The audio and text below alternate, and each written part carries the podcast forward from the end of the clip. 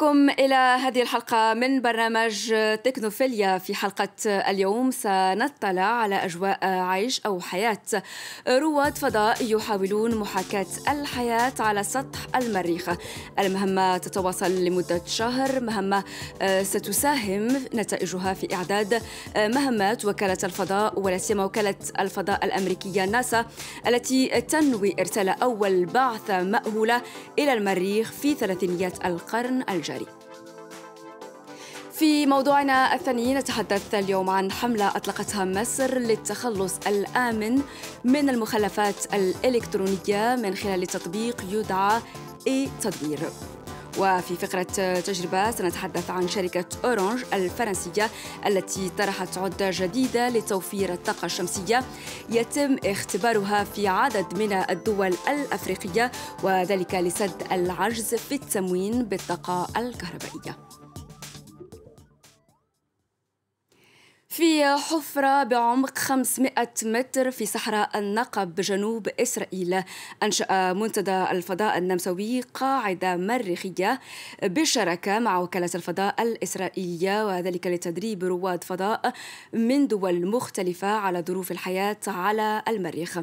ستة رواد فضاء من دول أوروبية مختلفة ومن إسرائيل يعيشون حاليا في هذه القاعدة معزولين عن العالم الخارجي في مهمة ستتواصل لمدة شهر وذلك لإجراء تجارب علمية والتحضير للمهمات المأهولة التي من المزمع إرسالها خلال العقود المقبلة إلى سطح المريخ. مساحات شاسعة من الصخور تغطيها تربة حمراء وكأننا على سطح كوكب المريخ. لكننا في صحراء النقب جنوب إسرائيل حيث يتدرب عدد من رواد الفضاء في مكان يسمى مختاش رامون باللغة المحلية. وهو فوهة بركانية قديمة تعتبر الأكبر في العالم تمتد على مسافة طولها 40 كيلومترا وتهدف المهمة العلمية التي تقودها وكالة الفضاء الإسرائيلية ومنتدى الفضاء النمساوي إلى محاكاة ظروف العيش على سطح المريخ. مختاش رامون هي بنية جيولوجية فريدة من نوعها في العالم وما توصلنا إليه هنا بعد استكشاف الآلاف من الكيلومترات. هو أن مختاش رامون لديها الكثير من الخصائص الجيولوجية المشتركة مع كوكب المريخ.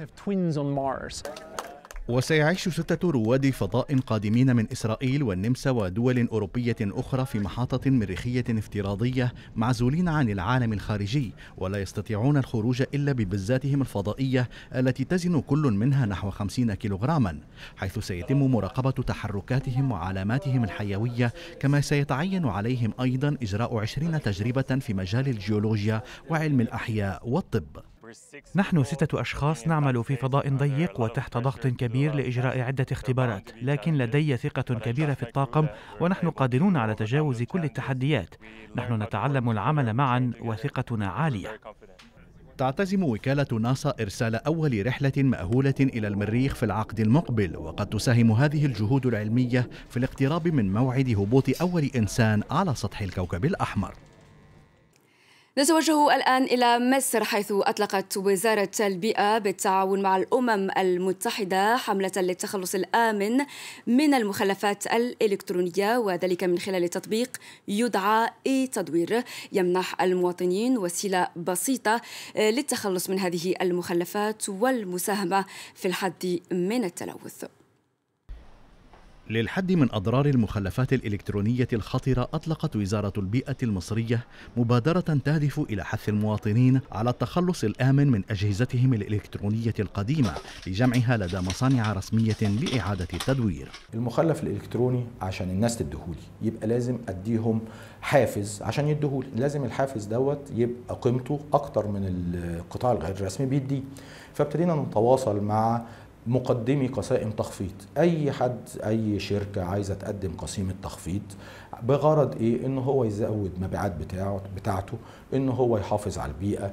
تتم هذه المبادرة عبر تطبيق يحمل اسم إي تدوير يمكن الراغبين في التخلص من الأجهزة التي لم يعودوا بحاجة إليها من التعرف على النقاط المحددة للتوجه إليها وتسليم الأجهزة. هذه النقاط التابعة لشركتي اتصالات من القطاع الخاص تقوم بدورها بنقل هذه النفايات إلى مراكز إعادة التدوير. مبادرة إي تدوير اللي من خلالها بنقدم الدعم الفني للمبادرة وبنقدم كمان فروع فودافون آه، اللي من خلالها العميل بيقدر يسلم الأجهزة الإلكترونية القديمة. تحتوي النفايات الإلكترونية على مواد كيميائية ضارة مثل الزئبق والرصاص والتي من الممكن أن تصل في النهاية إلى التربة والمياه ما لم يتم معالجة هذه الأجهزة بالطريقة الصحيحة. وبتجنب القطاع غير الرسمي الذي يتخلص من هذه النفايات بشكل عشوائي ما يشكل تهديدا خطيرا على البيئة والصحة العامة. الهازارد بيتمثل في الباتري. دي بيتم تجميعها في كرتون وفي نهاية الشهر بنروح نوديها لمدفن اسمه مدفن النصرية في الإسكندرية. ده مدفن آمن وصحي لأن مفيش في مصر حتى تاريخه للأسف تدوير البطاريات الليثيوم. يبلغ حجم النفايات الإلكترونية في مصر حوالي 90 ألف طن سنويا. لذلك قامت وزارة البيئة بتقديم تراخيص لما لا يقل عن عشرة مصانع لإعادة تدوير النفايات الإلكترونية. ومن المتوقع أن تحصل المزيد من المصانع على تراخيص جديدة. نواصل الآن مع فقرة تجربة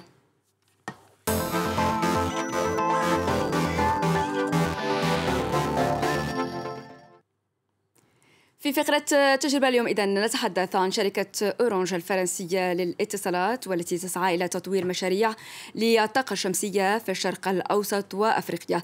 سنتحدث بالضبط عن عدة جديدة يتم اختبارها في عدد من الدول الأفريقية. عدة لتوفير الطاقة الشمسية تطرح كبديل عن الطاقة الكهربائية غير الكافية في بعض الدول. عماد يحدثنا عن هذه العدة. كيف توفر الطاقة؟ بالفعل اذا حسنا ال Orange عملاق الاتصالات يبدو اليوم آه، كأنه يرغب في لاعبي دور هام في إرساء التحول الطاقي في الدول الأفريقية وكذلك الشرق أوسطية وأطلق Orange اذا خدمة Orange Energy. لتسهيل الحصول على طاقة متجددة ونظيفة من خلال هذه العدة عدة Orange Energy التي تتكون من لوح شمسي كما تشاهدين هذا هو اللوح وبطارية ذكية وعدة إكسسوارات آه، كمصابيح LED مثلا مقتصدة للطاقة وشاحن يسمح بشحن آه، خمسة آه، أجهزة أجهزة هواتف وجهاز حتى جهاز راديو وكذلك جهاز تلفزيون من 24 بوصة. اذا Orange أطلق في الواقع هذه العدة منذ ديسمبر 2017 في جمهورية الكونغو الديمقراطية آه، آه، قبل أن يتوسع إلى مدغشقر وبوركينا فاسو وسنغال ومالي وساحل العاج عدة دول أفريقية. إذا الغاية هي تمكين السكان في هذه الدول من الطاقة الشمسية في المناطق الريفية أو في المدن حيث تقل جودة الخدمة من موردي الكهرباء. العدة إذا سهلة آه، سهلة الاستخدام تماما ولا تتطلب أكثر من تركيب هذا اللوح الشمسي على السطح وربطه بصندوق داخل البيت. وهذه الخدمة بالطبع ليست مجانية كما تعلمين وترتبط بخدمة أخرى ل Orange تسمى Orange Money لدفع معلوم الاشتراك. و Orange تؤمن بشكل كامل عملية التركيب والصيانة مفهوم الخدمة.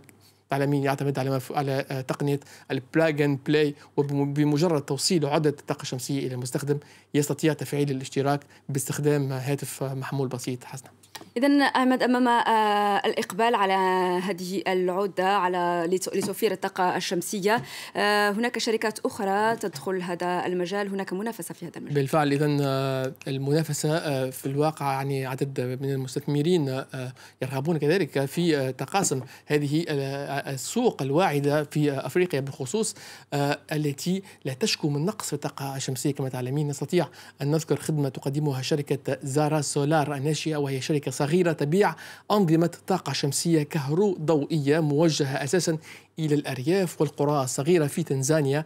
رجل أعمال آه، محلي هو صاحب هذه المبادرة التي تلقت دعما من العديد من المانحين بما في ذلك البنك الدولي و Lighting Africa و Ashden Award للطاقة المستدامة. وهذه الشركة نجحت إلى حد الآن في تركيب أكثر من أربعة آلاف نظام شمسي في شمال تنزانيا. مجموعة أخرى تسمى Solar Electric Light تقترح من جهتها أنظمة طاقة شمسية في أفريقيا لتشغيل المباني العامة كالمدارس والمستشفيات العامة من خلال تركيب هجينة تعمل بطاقة شمسية لكن كذلك بالديزل مع الأسف رغم أنه طاقة ملوثة وذلك لتشغيل العيادات الصحية في عدد من البلدان كبوروندي ورواندا واستغلت طبعا هذه التكنولوجيا في هايتي في أعقاب الزلزال المدمر الذي ضرب نعم. بورت أو برانس في يناير 2010 حسنا. نعم شكرا لك عماد ونصل معك. إلى نهاية هذه الحلقة من برنامج تكنوفيليا. شكرا لكم على المتابعة.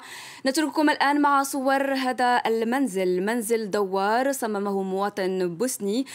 لجعل زوجته ترى مناظر مختلفة ولا تشعر بالملل كما يقول. هذا المنزل يلف دائرة كاملة على مدى 24 ساعة في أبطأ سرعته كما يمكن أن يدور بسرعة كبيرة في ثوان وذلك بواسطة محركات كهربائية.